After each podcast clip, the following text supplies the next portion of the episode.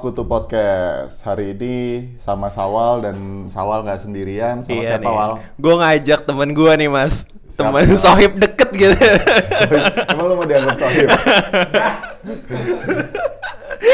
Nih ada temen gue nih namanya Ocal Mungkin bisa perkenalan dulu atau kita tatar dulu kali ya mas orang baru Assalamualaikum guys, izin join guys, hari pertama nih. namanya, namanya dong. nama, nama aku Ocal guys, panggilnya sayang. Eh.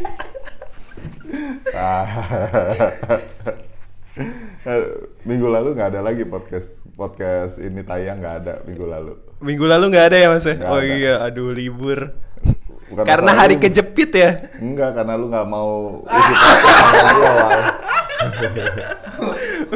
Parah guys Kontraknya guys, belum guys. apa namanya Ocal ini satu kampus ya Cal sama Sawal Ya, jadi singkat cerita memang gua satu kampus sama Sawal, satu kelas juga, tapi nggak sedarah sih untungnya. Nggak sedarah ya? Nggak sedarah. Tapi pernah satu kamar ya pernah, tapi pernah sekamar dan pernah seranjang juga guys. jadi kenapa ada selalu ada Sawal karena Sawal ini eh, nggak cuman kerja di Indo ternyata Sawal ini juga kerja di luar negeri Sawal Sawal pernah Jadi kerja di luar- TKI saya jadi TKI Ocal juga pernah kerja di luar negeri TKW Eh, om, saya om. wa- waktu itu lu di eh, kerja di mana Wal? Jadi tuh eh, awalannya ya, awalannya itu ada program internship dari kampus gitu. Nah kebetulan eh, gua sama Ocal itu ngikut tuh untuk internship, kepilih lah ibaratnya untuk ke sana. Nah selama di sana itu kita kayak kuliah dulu sih, kuliah dulu di kampus eh, Mingtao University di Taiwan, Cie. so, di Taiwan. Jadi kalau yang keren kan eh, pertukaran pelajar ke Belanda, ke Amerika ini ke Taiwan. coy. Emang, emang udah dirancang jadi TKW aja. Emang di sana markasnya TKI sama TKW ya. Eh tapi dia nggak mau nyebut dirinya TKI atau TKW. Sekarang itu namanya B. BMI. BMI itu apa? Buruh Migran Indonesia. Oh, Kayak lebih. Karena orang bule masuk Indo tuh namanya ekspatriat, gak cuma bule sih. Orang pekerja asing di Indonesia sebutnya ekspatriat. eksprat ya. Iya. di Nah. sini kita, sekalinya orang Indonesia ke sana jadi namanya tenaga kerja. gitu. Buruh migran gitu ya. Atau mungkin kalau bahasa Inggrisnya manpower kali ya. Manpower. Manpower from Indonesia coy. Anjing aja. Nah, jadi setelah uh, Lu, lu, lu, lu, kuliah. lu di sana kerja di mana, Wal? Oke, jadi setelah kuliah itu ada kita namanya program magang gitu, KKP lah ibaratnya. Iya. Nah, KKP gue sendiri itu kebetulan di Asus. Asus Taiwan Asus gitu. Taiwan berarti ngurusin laptop, Iya. mainboard, atau lu bagian apa? Jadi quality control kali ya. Ya, uh, jadi kayak Unitnya apaan? unitnya ada router, laptop, PC, LCD, HP, pokoknya semua pro, semua produknya Asus kayak robotnya Asus tuh ada tuh lupa gue namanya apa. Itu juga dicekin. Mereka mereka punya robot juga ya? Punya, Dan itu punya. udah dijual. Udah. Oh, keren dong ya. Iya, keren kalau nggak tahu sekarang perkembangannya gimana. Kalau dulu itu dia kayak bisa apa ya? Kita ngomong apa dia bisa ngejawab dengan mimik ada mimik mukanya juga gitu. Jadi Ada di om, kepleset om. Ada di om. Ini sakral nih. Kepleset. Bukan tahu aja. Mimik gue. mimik, Ca, Iya, iya, mimik. iya. Astaga Mimik tuh. ya. Kelihatan kan temen Om. seberapa kotornya. Enggak, kan kan kita kan wanti-wanti aja ya, enggak jangan sampai yang denger ini tuh salah paham. Apa ini? Kontennya kotor, ternyata enggak kan. Mimik, ekspresi. Mimik ya, bukan Iya. bukan bukan Bukan mimik, bukan, bukan. momok, bukan. Bukan, bukan mim. Ted, tolong disensor ya Mas Sentar ya. Nggak ada, nggak ada, nggak ada sensor. Langsung upload. Tapi kalau misalkan ngobrolin apa namanya eh, teknologi, kayak tadi Asus udah sampai bikin robot gitu ya. Eh gue sebenarnya udah ketinggalan teknologi update juga sebenarnya ya, karena gue hidup di zaman ya nggak tua-tua banget, tapi mungkin ada beberapa teknologi yang lu juga nggak pernah tahu di zaman gua. Coba zaman lu kuliah, flash disk itu udah berapa giga coba? 100 28 128 giga. gigabyte. Mm-mm. Nah, zaman gua eh, flash disk itu masih 64. Bahkan ada yang 32 MB. MB. megabyte. Megabyte. 32 megabyte dan itu udah mahal harganya. Mungkin kalau sekarang seharga sama flash eh, flash drive yang ukurannya eh, 128 harganya. 100 ribuan ke atas lah ya.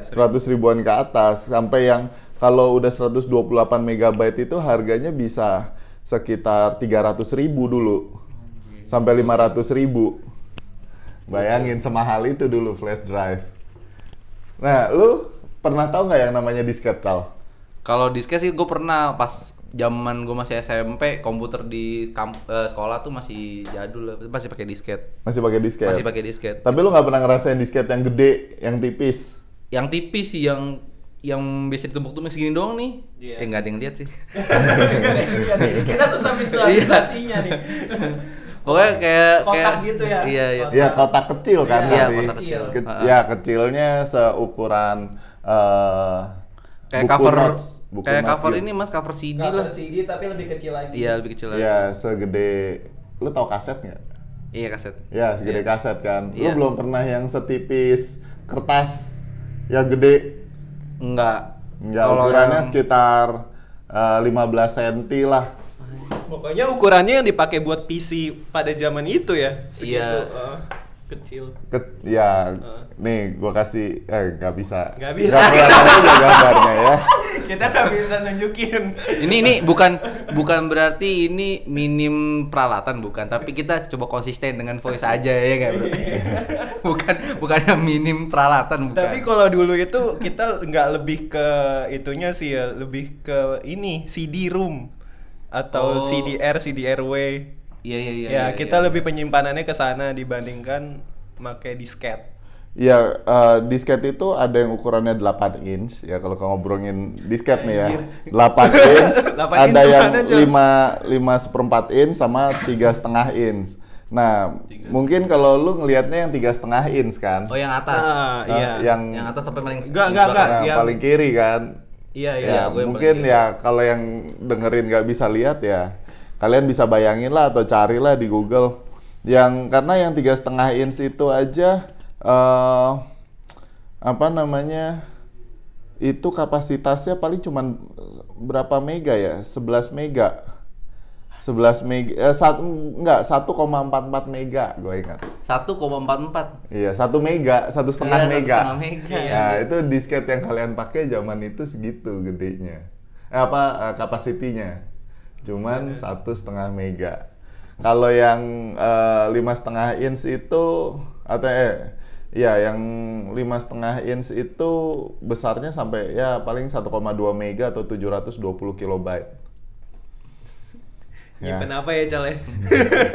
gua kalau kalau masih pakai disket bawa ke kantor mungkin gua bawa karung anjing di disket buat nyimpen file-file gua bawa karung gua Iya. Iya. Lu nggak nggak pernah kebayang bahwasannya sekecil sekecil itu tapi kapasitasnya. memang ini kan berpengaruh hard sama disk deh, lu hard disk, hard disk komputer itu eh, kapasitas yang pernah lu rasain paling kecil berapa deh? hard disk komputer gua 20 GB 20 giga, segitu. 20 giga. Iya, Gue masih yang- ngerasain hard disk yang cuman eh, 4 giga. Ya pada zamannya sih worth it ya. Tapi kalau sekarang kayak Windows aja kalian ngerasain Windows apa? Windows XP kan? XP iya. terakhir X- iya terakhir Iya XP kan, gue masih ngerasain Windows 311, 3.11. itu yang masih command line ya Enggak, udah nggak pemain lain ada interface-nya. user Cuma interface-nya. kaku banget gitu. Kaku banget, kaku banget. nah itu mungkin emang yang pengaruhnya di situ kali mas karena emang kebutuhan grafik di zaman itu masih kecil banget kali jadi semuanya masih serba minim Iya, sebenarnya jadi kalau misalkan kita bicara teknologi itu pertama kali orang menciptakan sesuatu itu bukan melihat dari sisi desain, bukan melihat dari sisi eh, artistik, tapi yang mereka lihat itu lebih ke arah eh, fungsional. fungsional Nah, makanya grafiknya juga masih sederhana banget. Bahkan mouse mouse yang pertama kali diciptakan tuh bukan dari plastik kayak sekarang, dari kayu. dari kayu. Nah, kebayang kan teknologi teknologi itu disruptifnya tinggi banget, kemudian dan perkembangannya juga cepet banget, Benar cepet banget. Cepet banget, lebih cepat dari perkembangan otak kalian. Parah. Emang kita seperti itu. Karena memang eh, dengan semakin cepatnya teknologi berkembang dan dan semakin banyak teknologi yang digunakan, eh, kebutuhan dan demand-nya seseorang dengan teknologi itu semakin tinggi. Hmm. Coba zaman dulu mana ada Google Assistant. Nggak ada. Eh walaupun gua nggak tahu sih kalian sekarang pakai nggak sih Google Google Assistant atau Siri atau Alexa pakai nggak? Google Assistant make tapi di handphone sendiri sih. Ya tapi lu pakai. Pakai dan Pakai buat nanya nggak jelas. Kalau nggak ada temen ngobrol, Iya, iya. lagi jomblo. Itu tuh kan awalnya gara-gara yang ada apa tuh eh, AI chat itu yang namanya Simi Simi. Simi-simi itu.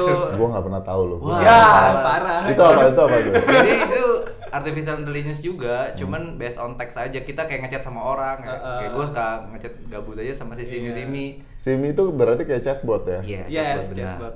Oh. Kayak itu kayak itu platformnya apa? Web web base. Di- Enggak ada ada aplikasinya. aplikasi sendiri ya. Heeh.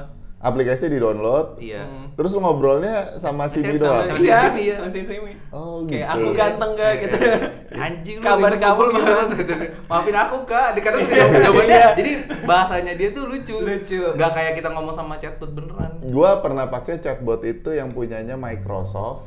Itu lu ngechatnya dari Line.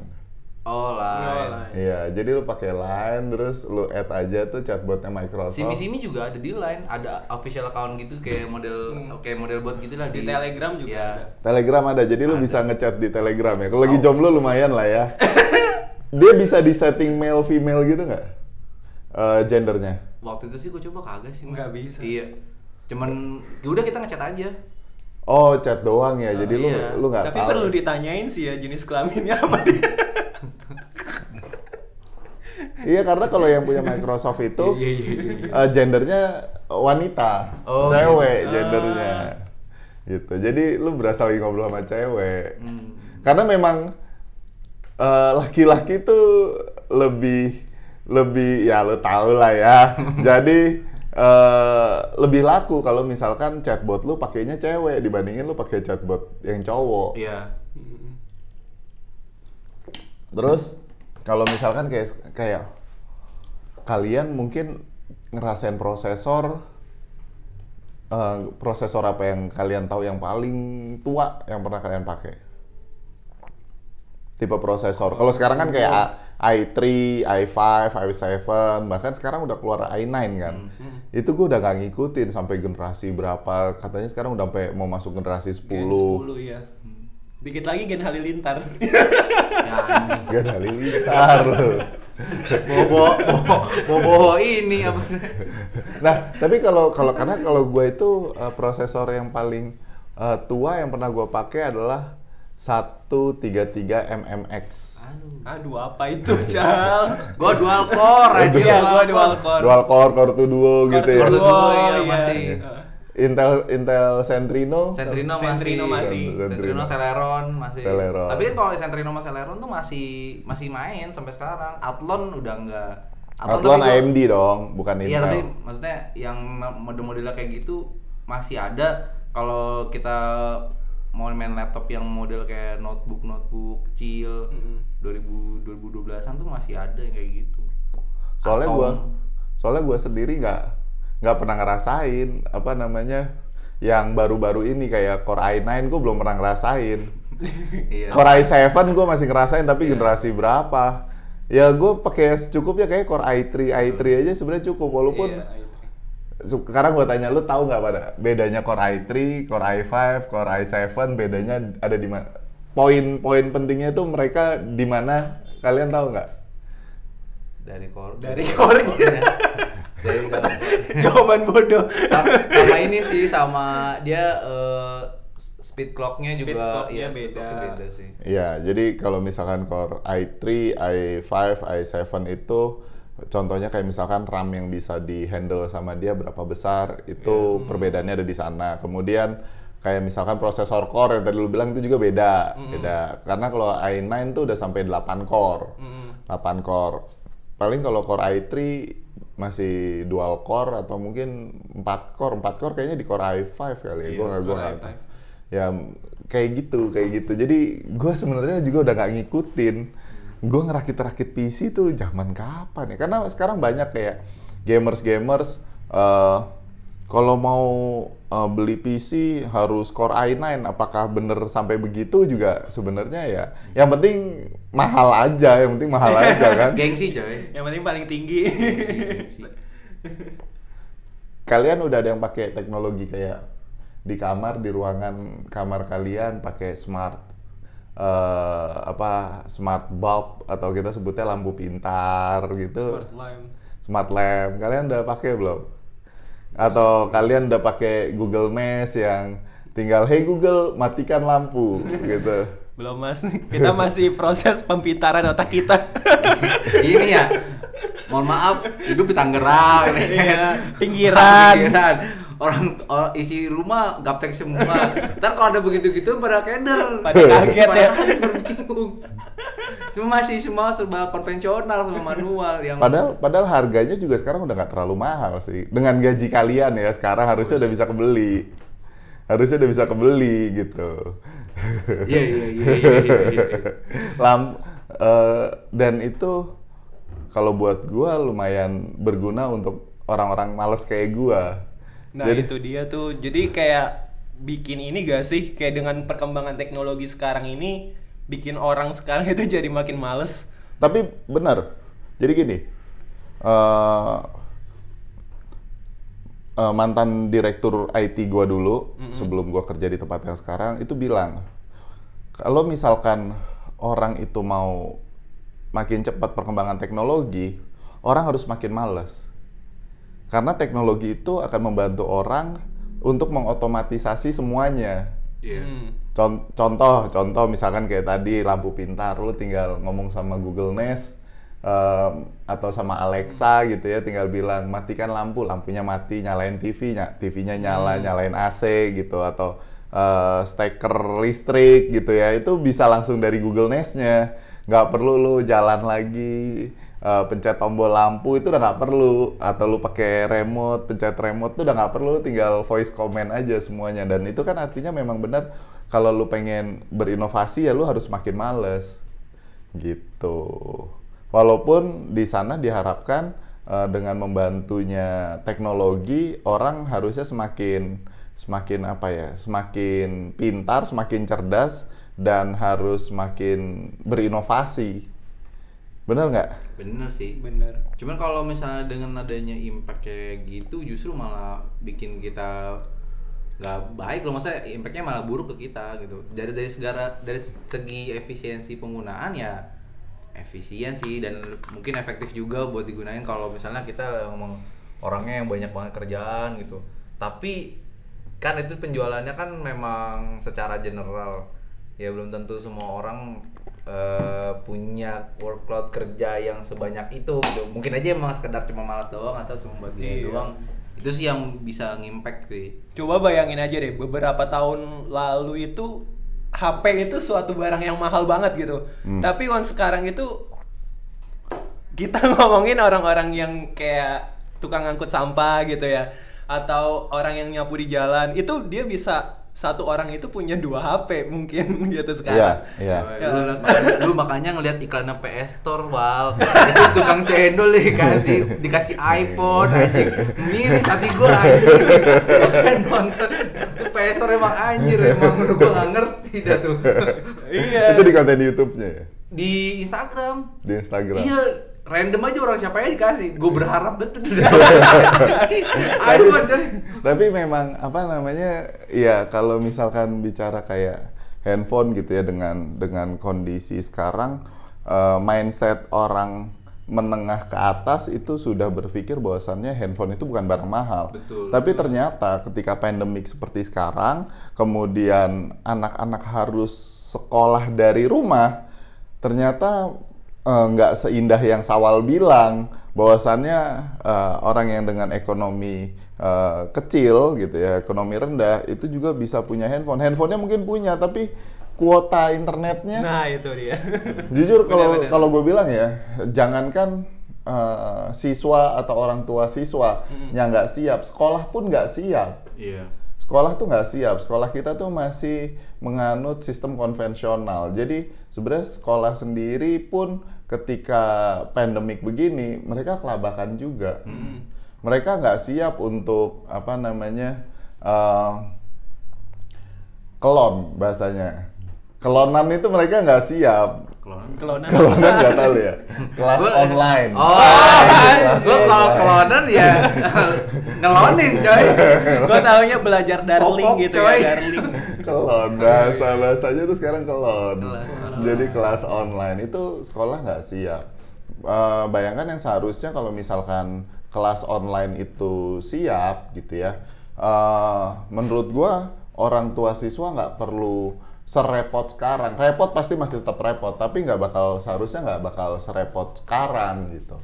Tapi karena infrastrukturnya sekolah, kemudian dari sisi internet sekolah, itu mereka nggak siap. Karena paling biasanya nih ya, eh, berdasarkan pengamatan gua, ini bukan survei global ya, berdasarkan pengamatan gua, selama ini sekolah itu mengandalkan internet itu hanya untuk digunakan eh, untuk eh, submit raport online. Lab komputer mereka sendiri pun belum dipersiapkan untuk bisa online Iya, belajar online itu enggak. Paling dipakai cuman buat uh, guru Ngetik, iya. sekedarnya di kantor untuk internetan. Tapi kalau bicara soal kelas online nggak siap. Jangankan sekolah universitas aja masih banyak yang belum siap untuk menghadapi itu. Universitas lu ada kelas online nggak Ada. Ada ada udah lama Kalau udah lama, Lama, sih, lama. udah lama. udah lama Dari zaman e-learning masuk gitu kan? Ah. Iya, Iya, udah lama. e-learning. Nah, ma- tapi ternyata masih banyak loh kampus-kampus yang belum punya e-learning seperti itu. Programnya belum ada. Sehingga ketika pandemi kayak sekarang mereka pusing. Iya. Iya bener. Pusing banget. pusing banget itu kasihan sih. Yang yang jadi terbebani adalah eh, orang tua walaupun kalau misalkan eh, kita belajar eh, dalam dunia pendidikan, peran orang tua itu sangat penting. Jadi kalau misalkan kita belajar di dunia di dunia pendidikan atau gue mau bawa-bawa agama gimana ya? Tapi dalam Islam itu kalau ngaji taklim muta'alim itu eh, tiga komponen Ini- penting ini- dalam pendidikan. Ini Sukma Firaun tuh udah masuk. Tadi gue liat ada ada lampu-lampu kayak kuning-kuning gitu set. Beri masuk ke belakang dia. Oh, berubah. Oh, berubah. berubah ya. Berubah. Tiba-tiba ngomong. Maaf. Ya, tapi kalau misalnya kita ngomongin pendidikan, kayaknya kita selama bikin podcast nggak jauh-jauh dari pendidikan ya. Gue Iya, nggak tahu emang. Tapi eh, tiga komponen penting itu adalah di sana ada guru, ada siswa, dan satu lagi orang tua. Karena percuma anaknya diajarin di sekolah, kalau di rumahnya juga nggak Nggak diajarin diajarin bener. gitu. Jadi peran orang tua tuh penting. Nah, tapi dalam dunia pandemik, eh, dunia sedang mengalami pandemik kayak sekarang itu ternyata nggak gampang loh. Iya. Itu Orang susah tuanya loh. bisa jadi nggak siap gitu. Iya, Heeh. bener. Ini karena memang kalau dirasain ya, yang biasanya di sekolah itu ya udah gue taunya anak gue sekolah berangkat nih anak gue sekolah berangkat. Iya.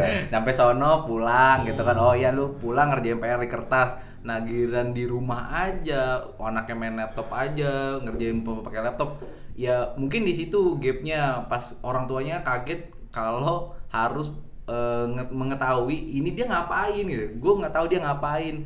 Ini ya intinya kayak ketinggalan teknologi lah. Iya.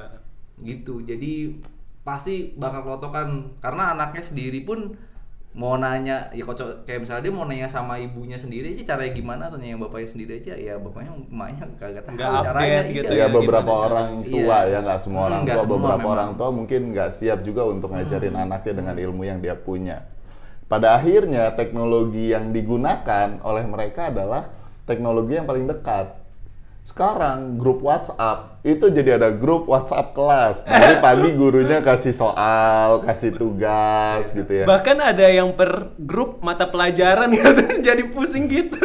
tapi ini tapi ini juga Makin banyak Wal, grup. kalau misalnya dipikir-pikir ya kenapa sih kalau kenapa nggak semua sekolah dari dulu itu udah eh, implementasiin atau gunain namanya eh, online online meeting kayak gini nih atau kelas online kelas online gini karena menurut gue mereka pasti berpikirnya kalau misalnya gue mau bikin kelas online berarti gue harus punya sistem sendiri padahal sebenarnya eh, platform yang yang memang universal kita gunain pun bisa gitu Iya. Bisa. jadi mereka nggak nggak nggak mau start buat nyoba yang gratisan dulu ibaratnya gitu kayak classroom Ya, jadi jadi kalau misalnya kita mau lihat kondisi sekolah ataupun dunia pendidikan di Indonesia nggak siapnya bukan cuma dari sisi sekolah, bahkan Kementerian Pendidikan pun nggak siap gitu. Walaupun sekarang ya Menteri Pendidikannya adalah dari orang yang eh, lekat dengan teknologi, tapi ternyata juga eh, ketika itu mau diterapkan di Indonesia juga masih sulit, masih sulit. Sekarang buktinya kayak Google Classroom yang dipakai sam- oleh beberapa sekolah itu pun juga belum efektif betul Betul. belum efektif. Mereka ya eh, yang paling penting adalah kalau tadi lu benar yang lu bilang kalau misalkan mereka berpikir harus punya sistem sendiri, artinya ada biaya di sana. Apakah biayanya bakal bisa nutup sedangkan bayaran sekolah cuman berapa gitu betul kan? betul Betul. Makanya ya kalau misalkan ada beberapa platform pendidikan online sekarang itu pun belum bisa diterima dengan mudah oleh beberapa kalangan. Paling cuman kalangan-kalangan tertentu yang mungkin yang tadi Ocal bilang karena sibuk makanya mereka bisa pakai pakai pakai kelas online gitu. Tapi ketika ketika eh, si eh, lembaga pendidikannya pun sudah nyaman dengan cara mereka konvensional saat ini, pasti susah banget berubahnya. iya Iya. Ya? ribet Ribet. mereka pasti mikirnya gitu ah udahlah ribet lah udah pakai WhatsApp aja udah lah, pakai WhatsApp aja karena emang dailynya pakai WhatsApp Iya, sedangkan laporan. iya padahal di WhatsApp itu kan maksudnya ya itu kan cuman platform buat chat doang ada kan platform lain yang memang mirip kayak WhatsApp tapi diperuntukannya khusus itu gitu Iya. ada bikin bisa bikin roomnya bisa ngupload buat uh, tugas-tugas dan segala macam kan gitu ya kalau sekolah-sekolah mahal sih Iya. benar sih teknologinya sih memang udah canggih-canggih. Eh, belajar di kelas sudah pakai proyektor. Itu kan contoh salah satu kecanggihan dalam belajar juga nggak pakai lagi whiteboard atau papan udah tulis ya. kapur. Tuh, eh, ada salah satu teman komplek gua mas dia dia sekolahnya emang lumayan bagus sih itu eh, grup kelasnya dia pakainya slack Pakai Slack. pakai slack lu kaget banget Wah, lu pakai slack anjir iya diajarin gurunya jadi Iya. tapi memang di slack itu kan kita bisa ngebet Google Drive iya. bisa ngebet apa aja gitu kalender semuanya tuh integrate bahkan sampai dia juga grupnya itu pakainya grup Google Google Group Ya, ya, jadi ya, ya. informasi semuanya kebelas ke ke email dan itu yang dibelas itu bukan cuman emailnya dia pribadi tapi email orang tuanya juga. Wah, jadi kayak anjing canggih banget coy. Maksudnya itu penggunaan platform yang gratis dong. Iya, Slack gratis iya, kan. Slack gratis. Dan si Google Group itu juga gratis. Berarti kita bikin ini aja training buat guru-guru komputer di sekolah. Sadis, Iya kan? sadis nih, sadis nih. Iya nggak? Cuan nih. Cuan kan? Cuan. Cuan. Kapan lagi lu bisa eh, menggurui guru coy? Iya kan? Ah, tolong. gitu aja nggak tahu ya. Kamu ngapain? Ya, lu, lu datang ke sekolah lu kan terus bego-begoin guru lu. Bu ngapain, Bu? Bukan gitu, Bu. Astagfirullah. yang karena memang eh, banyak guru itu yang berada di zona nyamannya mereka. Iya. yang mereka cuma ngajar, isi rapot. Nah, sebenarnya lembaga pendidikan itu harus bisa dikelola lebih profesional. Ketika lembaga pendidikan bisa dikelola lebih profesional, maka tadi tek penerapan teknologinya pun akan mature. Benar, benar. akan mature. Dan banyak loh platform-platform uh, enterprise gitu ya yang berbayar juga mereka sampai bahkan memberikan gratis bagi uh, dunia pendidikan. Platformnya mereka digratiskan. Contohnya kayak Microsoft Office 365 itu untuk dunia pendidikan itu for free. Semua fiturnya sampai Microsoft Office for free email email sistemnya mereka for free, apalagi eh, untuk online meeting for free, semuanya gratis. Tapi apakah dunia pendidikan banyak yang tahu soal itu? Ya belum tentu, belum tentu karena eh, mereka masih eh, tadi berpikirnya konvensional dan ada di zona nyamannya mereka dan mereka ketika harus belajar satu hal yang baru pun mungkin agak kaget. Beda sama kita yang di dunia pendidik apa dun- di dunia profesional eh, enterprise gitu ya, yang memang harus dituntut semuanya harus belajar terus, belajar terus, ada hal lagi yang baru gitu. Nah, sayangnya di dunia pendidikan sekolah ya, gua nggak tahu lah universitas, ada sih beberapa universitas yang masih begitu, tapi kebanyakan terjadi di dunia pendidikan sekolah itu mereka eh, penerapan teknologinya masih rendah banget karena kurang bu- kurang mau explore lah kalau gue bilang. Tapi juga salah satunya masalah kepemilikan data, Mas. Jadi ini gue juga punya cerita juga sih dari tetangga gue dia guru guru SMP di deket di daerah Tangerang. Dia dia cerita kenapa emang dari dia pribadi itu dia nggak mau gunain platform yang udah ada karena dia takutnya begini nih. Dia nanti udah nyaman nih satu sekolah udah nyaman pakai platform A, katakanlah pakai Microsoft 365.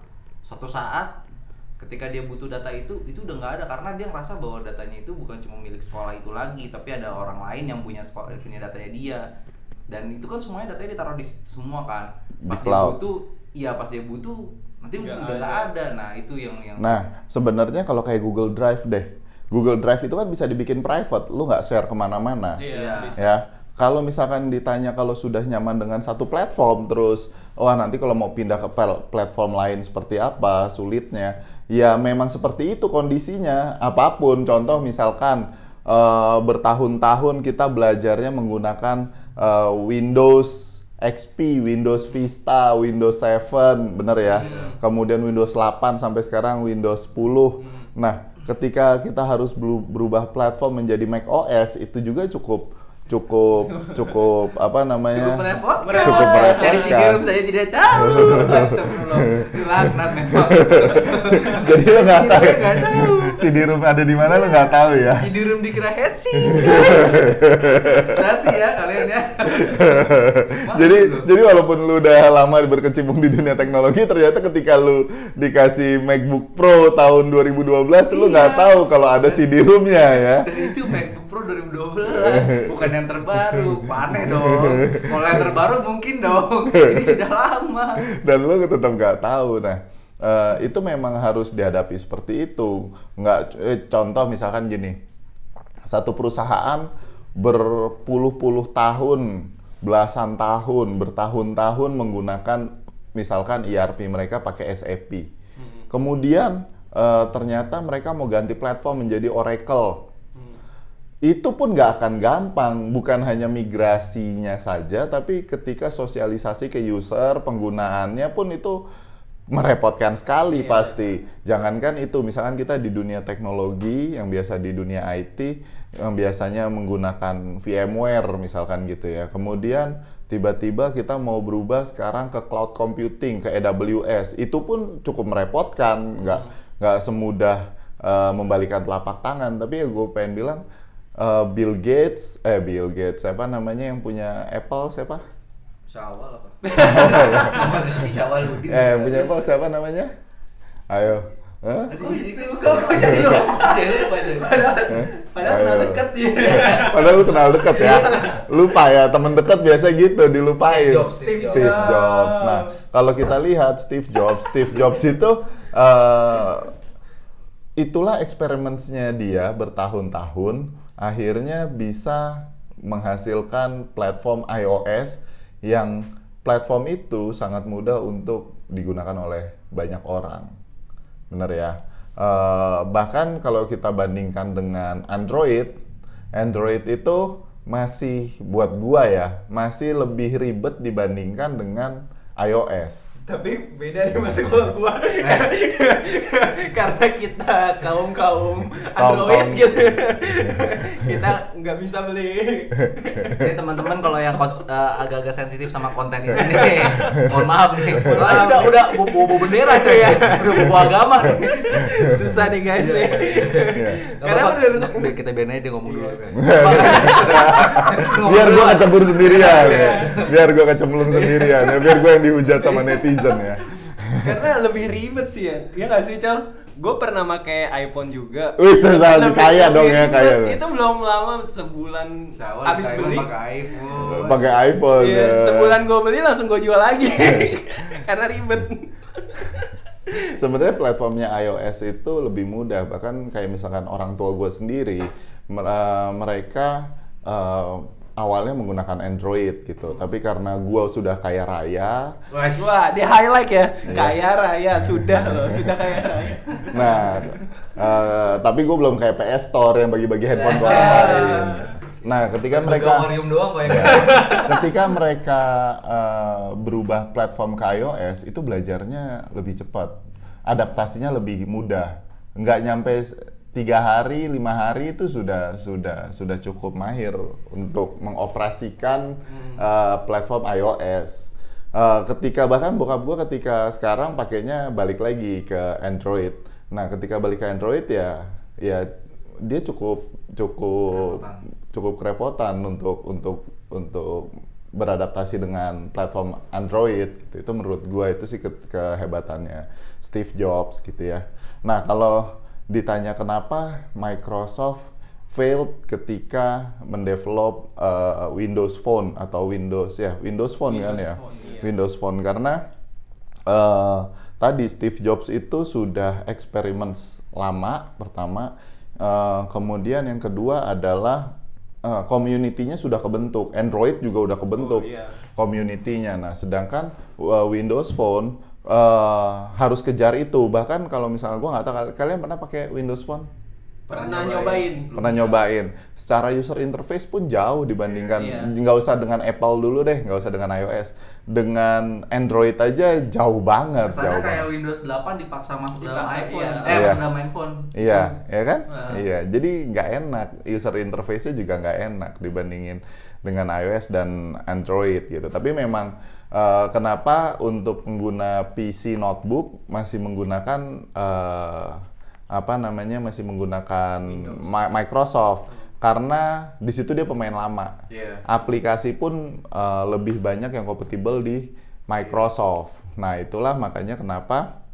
Tapi kalau misalkan lu pakai Mac OS nih, pengoperasiannya gampang. Instalasi juga jauh lebih mudah eh, apa namanya? Mac OS. Tapi eh, karena kemudahan itu ada keribetan di belakangnya. Jadi ada isu compatibility terhadap satu produk itu lebih besar dibandingkan dengan Microsoft yang memang sudah sudah lebih mature. Itu sih kalau menurut gua. Kalau emang yang kira-kira dompetnya masih tipis gitu kan, kalau ditepak masih angin, jangan coba-coba dah. Gua kasih tahu, jangan coba-coba. Udah lah lu pakai pakai Windows aja udah. Ya, pakai Windows. Syukurin aja udah syukurin. Jangan nyicil-nyicil. Dolkor dolkor, udah nggak apa-apa lu pakai lah, jangan paksa-paksa pakai iPhone lah lu. Ada tuh eh, di Instagram gitu ya yang mamerin iPhone sama iPod. Ini kalau belum pakai iPhone AirPod, sama eh, AirPod. AirPod itu bukan teman gue banget ya anjing. Orangnya letoy gitu. Waduh, lu julid ya. Yang di deskripsi, bisa kayak body swimming aja. Body swimming, body swimming.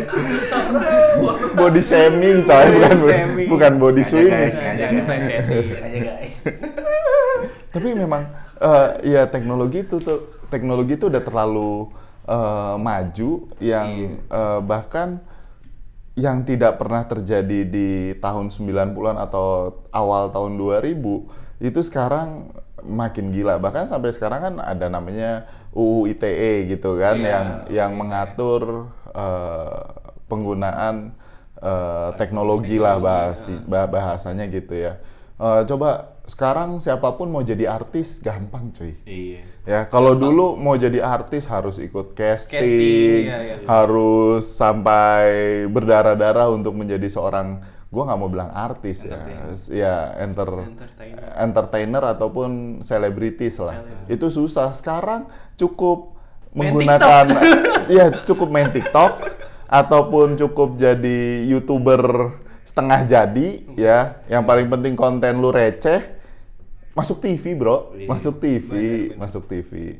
Bahkan sekarang dunia televisi pun ngambil kontennya banyak dari Iya. dari YouTube. Iya. Bikin kayak on the spot tuh. Iya, heeh. Nggak jelas tuh sumpah. Ngambilnya dari Iya, YouTube. source-nya dari, dari YouTube, dari TikTok.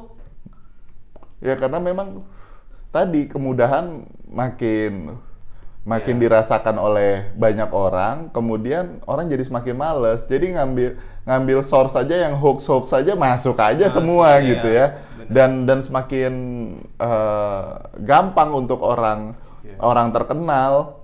Ya kemarin aja kayak Anji Anji eh, Drive itu eh, ngundang siapa untuk obat corona ya. Itu kan juga eh, padahal kenal cuman sekedarnya naik ke YouTube, wah langsung viral gitu ya. Jadi jadi ya memang semudah itu dan problemnya semua konten di sana ya konten YouTube atau TikTok itu ada namanya menu atau fitur komen. Nah, itulah yang membangkitkan orang untuk viral juga. Iya. Gua, Mulutnya gua- netizen kan gua ya. salah satu- Jempolnya netizen itu ya. Iya. Paling asik kalau baca komennya emang. Iya emang kita nonton YouTube bukan nonton videonya. Langsung gue scroll ke bawah. Langsung Ah, scroll ini bawah. komennya parah banget nih. Orang Indonesia. Kerdil lah, bocil lah, wah. Bahkan sampai kayak kemarin ada selebritis yang kena kasus cute ya. Cutek. Cute. Cute, cubit. Oh, Cubit gitu. oh gue tahu tuh, gue tahu tuh. Yang eh, itu ya gue nggak mau sebut dia artis ya, gue sebutnya dia selebritis ya. iya. Selebritis, Oh, dia itu kan eh, salah satu eh, apa namanya personel grup eh JKT. ya itu ya. Nah Jadi itu gosip guys. Nggak, konten pemersatu. Konten pemersatu. Nah itu kan sebenarnya eh, karena kemajuan teknologi. Zaman dulu mana ada lu Nggak begitu kan? iya. Zaman sekarang begitu aja Iya. diupload walaupun cuma beberapa menit akhirnya viral. Yang kena bukan anak ya, kena ibunya gitu kan. Kasihan kasihan banget sebenarnya. Ya, gue tidak mau membahas dari sisi budaya, agama dan lain-lain. Tapi gue mau lihat dari sisi teknologinya karena kemajuan teknologi dan semakin mudahnya teknologi itu untuk diserap, ya akhirnya jadi seperti itu gitu. Penggunaan-penggunaan yang mungkin salah pun akhirnya mudah aja untuk di-upload, untuk disebarin ke banyak orang kan. Bener banget mas. Gue pernah punya pengalaman nih. Eh, kalau untuk jadi kayak anchor reporter gitu kan susah nih. Itu ada teman gue gitu dia emang kerjaannya kayak ngeliput-ngeliput berita, tapi dia gunain eh, kameranya dia gitu. Nah dari kameranya Handphone, dia, dia dari kamera handphone, handphone. atau kamera kamera rekaman gitu, recorder gitu.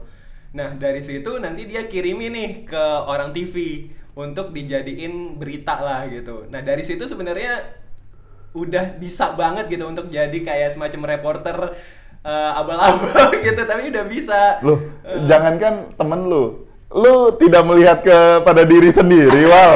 Eh? Loh, ini podcast. Orang radio itu belajar ya bertahun-tahun, butuh Iya. butuh berbagai macam eh, peralatan yang yang ribet dan repot gitu ya. Kita cuma modal handphone, ngobrol, diupload, ada yang dengerin, ada yang dengerin. Iya kan? Iya. Sekarang eh, dulu yang eh, kayak lagunya Young Lex, eh, YouTube bukan apa bahasanya YouTube lebih dari TV gitu ya. ya. Dan sekarang udah kejadian. Bentar lagi mungkin podcast lebih dari radio juga gitu. benar. ya apa namanya? Ya itulah kemajuan teknologi gitu yang yang memang harus di di eh, adaptasi oleh banyak orang dan banyak company juga yang harus beradaptasi dengan teknologi ketika mereka mau maju nggak bisa enggak nggak bisa enggak lu lu mau lu mau sebut ojek pangkalan atau taksi konvensional akhirnya harus ticker gitu. iya bahkan Jual-jualin sampai iya jualin taksi bahkan eh, sekarang eh, mereka kalah dengan uh, taksi online, ojek online gitu ya. Ya itu memang bisnis seperti itu ketika lu berhasil untuk mengadopt teknologi sebagai uh, core bisnis lu. Coba lu uh, dulu kita mau nonton nonton lu masih ngerasain sewa VCD nggak sih? Masih gue. Masih, masih. Tadi gue nyawa VCD Shaolin Soccer aja, gue inget tuh. Nah, lu masih ngerasain yang namanya sewaan VCD. Sekarang perlu lu nyewa VCD. Iya, enggak sih. Nggak perlu. Sekarang lu tinggal nonton pakai iFlix, Netflix, Iya. Hook dan lain-lain gitu ya. Akhirnya ke sana. Akhirnya bisnisnya harus gulung tikar. Jualan buku, toko buku. Iya. Dulu banyak toko buku, toko buku kayak Gramedia, apa segala macam. Sekarang masih ada. Tapi pada akhirnya eh, kalau di luar negeri kita lihat Amazon itu bisa gede sampai kayak sekarang akhirnya punya AWS dari jualan buku online jualan buku online. Bahkan kalau misalkan eh, nggak dan nggak cuman yang legal, yang ilegal pun banyak, banyak banget. Kayak apalagi kalau kalian tahu dark web. Iya. Nah, di situ sampai orang jualan narkoba lewat dark web gitu kan. Nah, ya memang sudah sudah sampai sejauh itu penerapan teknologi. Nah, sekarang siapa sih company yang bisa eh, maju dengan cepat dengan penerapan teknologi adalah company-company yang mau menerapkan robotic processing automation. Hmm, RPA. RPA. Lu pakai RPA se- kerjaan-kerjaan repetitif lu udah robot yang kerjain, Iya, bukan lu lagi. Akhirnya lu dipaksa untuk bisa engage dengan company lu lebih baik. Lu bisa kasih ide-ide ke company lu. Once lu nggak bisa gitu, ya sudah akhirnya lu akan ter terpinggir, Tergantikan. iya, akan tergantikan oleh oleh RPA. Ya, ini kita sudah alami dengan eh, revolusi industri. Iya. Mereka yang tadinya masih butuh orang untuk jadi operator, untuk rakit motor, sekarang sudah tergantikan dengan robot untuk rakit mobil, benar nggak? benar. Nah itu berapa banyak? Akhirnya eh, gitu iya, ya. tenaga kerja yang harus kehilangan pekerjaannya Iya, karena teknologi ya. Tapi memang harus seperti itu, nggak bisa nggak bisa enggak kan? Iya. Iya.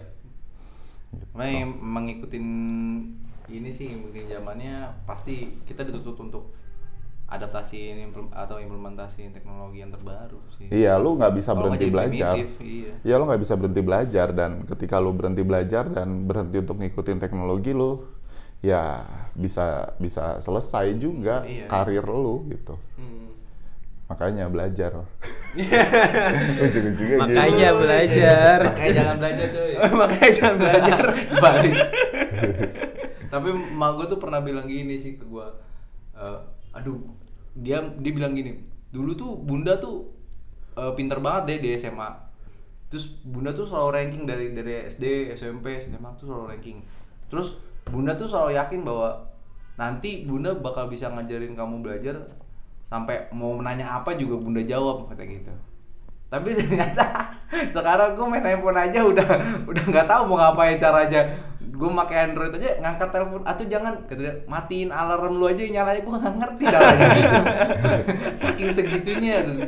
makanya kalau ngeliat anak sekarang eh ngerti mana eh, ngerjain kerjaan atau ngerjain tugasnya dia itu bunda suka nggak tahu tuh mereka ngapain. Duh, Tapi perlu gak sih kita mengeduket orang tua kita? ada positif ada negatif. Jadi ketahuan ya. gua sampai sekarang gua kagak mau ngajarin mau gua pakai pakai handphone handphone Android. Ya gua waktu itu sempet nawarin sih. Cuman gua takutnya apa? Tiba-tiba main Facebook gua takutnya itu doang. Alin cantik part 2 aduh ngeri gua deg-degan. Alin selalu sayang dia. bapak gua pakai pakai pakai pakai Android bikin Facebook namanya Jaka Tingkir nanti aja gua udah deg-degan aja coy asli aja Nah, itu dengan dengan teknologi penerapan teknologi seperti itu ya, itu eh, memang banyak eh, banyak positifnya dan tapi nggak hilang juga negatifnya Iya. gitu. Contoh misalkan nih ya, emak gue itu kalau kita ngomongin orang tua nih ya, masih lengkap kan ya semua orang tua ya, ya. Alhamdulillah. Jadi kayak emak gue sendiri dengan eh, dia bisa menggunakan smartphone, akhirnya dalam kondisi pandemik gini, eh, dia jadi lebih mudah untuk beradaptasi. Lu bayangin, eh, emak gua yang harus ngurus satu panti asuhan, kemudian dia anak asuhnya itu harus school from home. Hmm. kalau misalkan dia nggak tahu tuh cara pakai Google Class dia Iya, nggak iya, tahu iya, nggak cara pakai uh, Google Meet dia nggak tahu cara pakai Zoom. Kebayang nggak Iya. dan dia pakai Zoom juga bukan gara-gara pandemik dia pakai Zoom gara-gara teman-teman sekolahnya dulu gitu ya alumni suka ngumpul dan suka pakai Zoom bareng. Dan di situlah dia tahu gitu. Tapi negatifnya banyak sekarang kalau mau gibah mau gosip nggak perlu jauh-jauh lu tinggal bikin status WhatsApp lu tinggal gibah di situ gosip di situ bahkan kalau mau nyindir orang di situ Di juga, situ juga. Ya, ya kan Gibah online. Gibah online. bikin bikin room di Zoom ya. Khusus untuk gibah. Ibu RT 1. Ayai. Eh, itu Bu Koko bener-bener dah. Kok madu kok. lu gibah lu gibah kalau nih misalkan nih kita gibah gibahnya gibah offline ya. Iya. ngomong eh tahu nggak si ini nih begini begini gini gini gini gitu ya. nanti lu ternyata bermuka dua misalkan.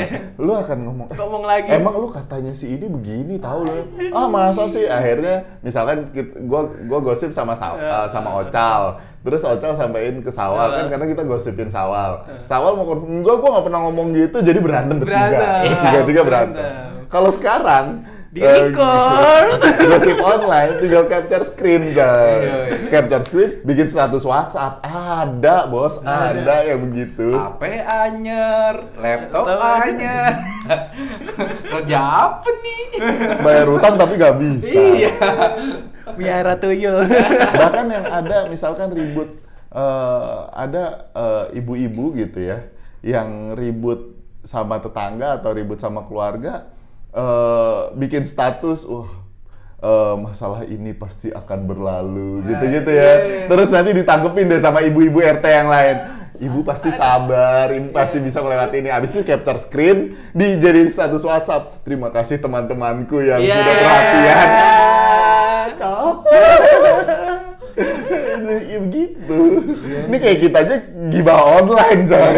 tapi universal, online. tapi universal aja ya. Kalau Iya. ada yang ngerasa aja. Kita nggak nyebut Nggak nama. eh, Ya, gue yakin awalnya kayak Facebook ataupun media sosial yang lain itu kan diciptakan eh, tidak sekedar hanya untuk eh, yang negatif, tapi lebih ke positif. Walaupun kita tahu di belakang itu, misalkan contoh kayak Instagram, lu jalan-jalan ke mana di tag lokasi, kemudian foto, lu foto sama teman-teman lu, itu bukan berarti data lu aman juga, Iya, benar. ya data lu dipakai oleh eh, mereka eh, dengan sistem AI-nya mereka untuk menjadi database-nya mereka. Eh, gua nonton di Netflix. Itu contoh kayak misalkan eh, dating online, aplikasi dating online itu Ini sama pernah nginstal kok. dating online. Dating ya? online. Enggak, gua aja nggak tahu. Lu kan pernah install Grinder kan, Wal? Anjir apa lagi? Gue gak tau kok Green Mas. lu taunya Tinder Tinder. Tinder. Tinder ada Tinder, ada Tinder, lagi Grinder. Lu Apa coba nggak? Lu coba aja install Grinder, install Grinder. Lu pilih eh, gender lu kan male. Nanti yang keluar apa? Nanti lu lihat gitu. eh yang yang live sama orang-orang itu apa? Yang dari Bi- Bigo, Bigo, Bigo live. Nah itu data kita tadi ya balik lagi, balik lagi. Jadi eh, aplikasi dating online ini dari satu orang saja, dari satu orang eh, pengguna dari dating online itu, datanya mereka disimpan bisa sampai 800 halaman. Satu orang. Satu orang. Satu orang datanya 800 halaman. Kebayang? Ya? Eh, semua Iya, dari chatting lu dengan uh, pasangan lawan jenis lu gitu ya, Uh, ataupun uh, lu pernah visit ke mana, itu sama mereka dianalisa semua bos. Jadi once uh, lu cari pasangan di dating online, itu sudah diberikan pasangan yang memang Rekomendasi. rekomendasi buat lu karena dilihat dari uh, chatting, terus tipe yang lu suka dan lu tidak suka gitu ya. Itu nanti munculnya semua yang lu suka aja. Iya, iya, iya. Ya. Iya. Akhirnya juga uh, digunakan ada negatifnya juga kayak Facebook sampai dipakai untuk nipu orang. Benar-benar. Uh, minta pulsa, minta dikirimin duit dan lain-lain. Bahkan sampai kemarin ada orang terdekat gue yang baru kena tipu juga. Tipu. nipunya simple di telepon terus ngaku sebagai siapa gitu ya jadi cerita gini di telepon nih telepon ini orang aku namanya Budi Budi. Budi. Eh, halo siapa nih? Budi. Ah dan bodohnya orang terdekat gua itu ngomongnya ah bukan ini bukan Budi. Ini pasti si eh, Rudi misalkan gitu ya. Ini pasti Rudi. Oh iya, Oh ini iya, Rudi. Nah, terjadilah perbincangan sampai transfer duit gitu. Itu kan eh, karena ketidaksiapan seseorang terhadap teknologi gitu Iya, kan. jadi jadi semudah itu tanpa konfirmasi ke mana-mana gitu. Iya benar. Orang eh, misalkan ada beberapa temen gue yang ngomong juga ke gue ada temennya lama nggak kontak tiba-tiba kontak mau pinjem duit gitu ya dan dia tetap harus konfirmasi juga dan dia harus cari tahu bener nggak nih si si A nih jangan-jangan cuman eh, penipuan juga gitu itu itu yang itu yang terjadi lu pernah sendiri pernah ngalamin nggak Belum lama. Belum lama gue. penipuan online gitu Tapi gue nggak sampai kejadian sih. Nggak sampai kejadian. Yang waktu pas gue cerita sama lo yang bilang, Mas, gue lagi pengen nyobain Baileys nih yang strawberry cream. Ah, Nah itu kan barang udah nyampe tuh sampai eh, pokoknya gue mesennya di Batam. 475 ribu. Siapa sih yang agak pengen? Gue sih pengen banget kan tapi udahlah gue udah udah gue transfer juga uangnya. Eh, janji Sabtu mak datang nih ke sini eh, lewat eh, penerbangan lah intinya pengirimannya. Nggak nggak pernah nyampe sampai sekarang di telepon tuh hari Sabtunya dibilang kalau e, ini bapak Rosal iya kenapa? Nah alamatnya ini ini ini ini. Terus dibilang ini barangnya nggak ada legalnya nih jadi ini barang ilegal nih tahan nih bea cukai. Gua kan dengan kondisi random seperti itu gue pikir hah? Oh ya udah gagalin aja kalau misalnya emang nggak bisa mau diapain lagi? Gue juga nggak mungkin ngambil orang jauh banget. Iya, terus? ya nanti tuh eh, kalau misalnya mau digagalin bisa pak tapi masalahnya ini karena barang ilegal bapak jadi harus eh, ke. Batam pak buat investigasi. Nanti kita telepon kepolisian sekitar untuk jemput papa gitu. Karena ini barang barang ilegal. Loh gue bingung kenapa harus jemput gua? Lu tanya aja sama penjualnya terus dia dengan bodohnya bilang iya pak di pengirim di box pengiriman ini tidak ada alamat sumber pak. Nggak mungkin cok.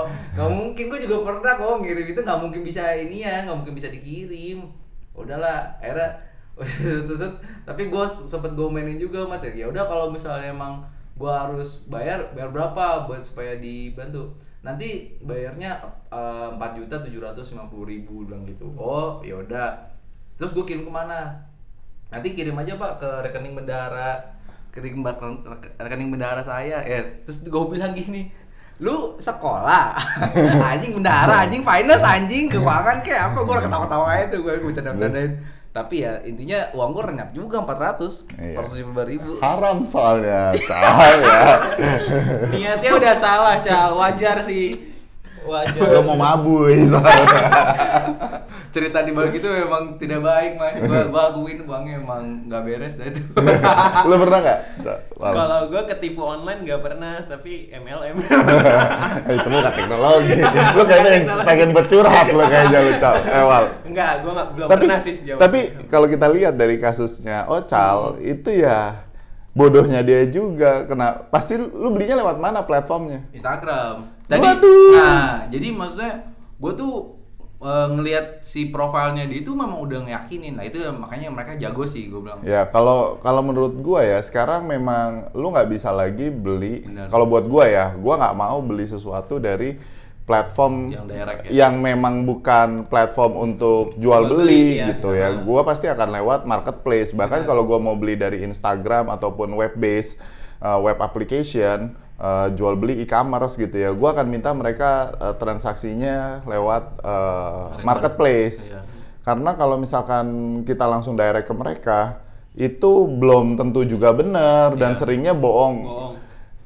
Apa kayak gue tiba-tiba gue sering beli cupang online gitu ya lewat online beli beli ikan cupang bukan cupang ikan cupang online. Ikan cupang, Nah, lo tahu nggak itu di grup akhirnya setelah gue sering beli akhirnya gue dimasukin ke grup ikan cupangnya dia gitu kan dan banyak di WhatsApp di WhatsApp. Nah, eh, di sana ada yang ngadu habis kena tipu dari Facebook gitu ya, dari Instagram. Ya, kalau menurut gue sih ya bodohnya dia kenapa nggak lewat marketplace dan itu nggak sedikit loh nilainya. sedi- nilainya tuh sampai 2 juta.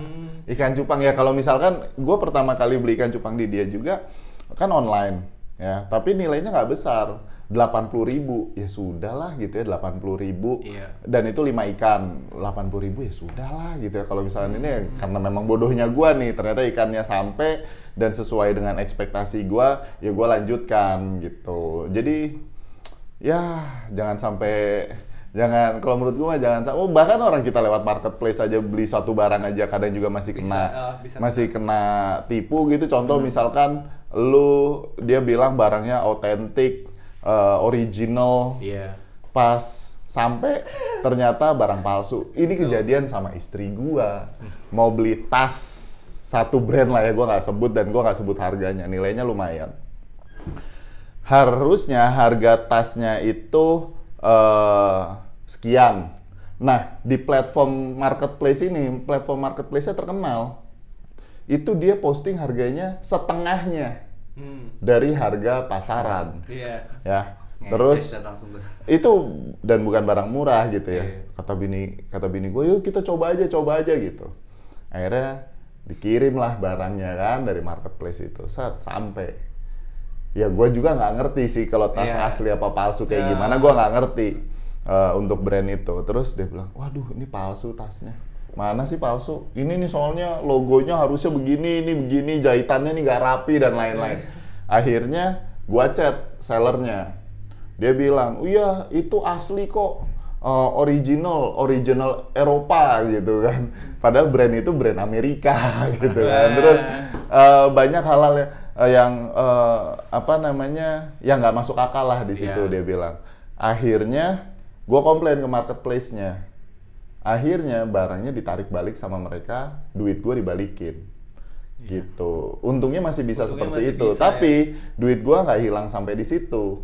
Akhirnya gua harus beli tas yang asli. Ya. Katakan aja yang setengahnya tadi 4 juta guys, tambahin 4 juta lagi. Tidak selesai. 8 juta.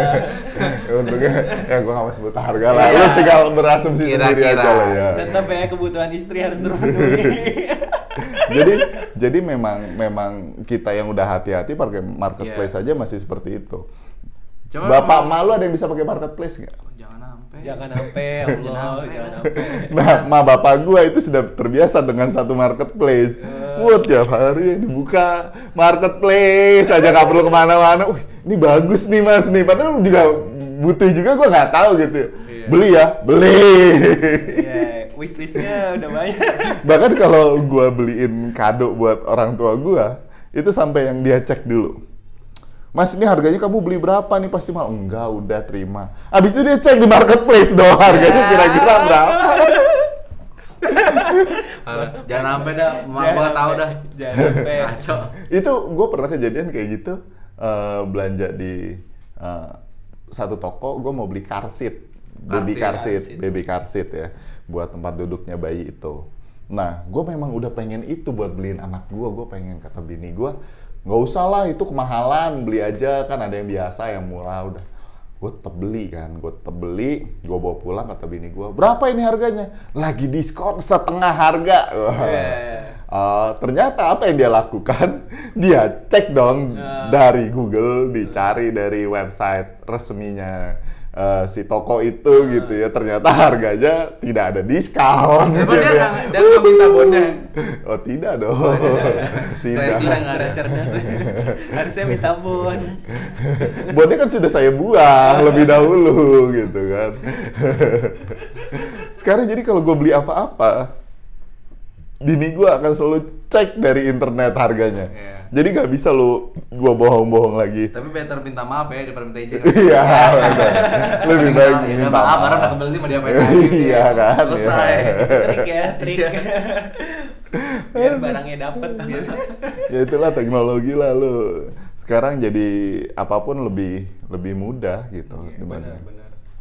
Ya kita ngobrol lagi lah minggu depan mudah-mudahan podcastnya eh, jalan terus nggak anggot-anggotan. Ini awal udah gak ada simi-simi nih anjing. Awal udah ngistal simi-simi nih. Hai. Buat ngobrol ntar malam Iya, ya. Iya. Aduh kasihan jomblo. Yang itu hati Ci. Ya. Oke, thank you semuanya. Thank you, thank you. See you in the next episode. Bye.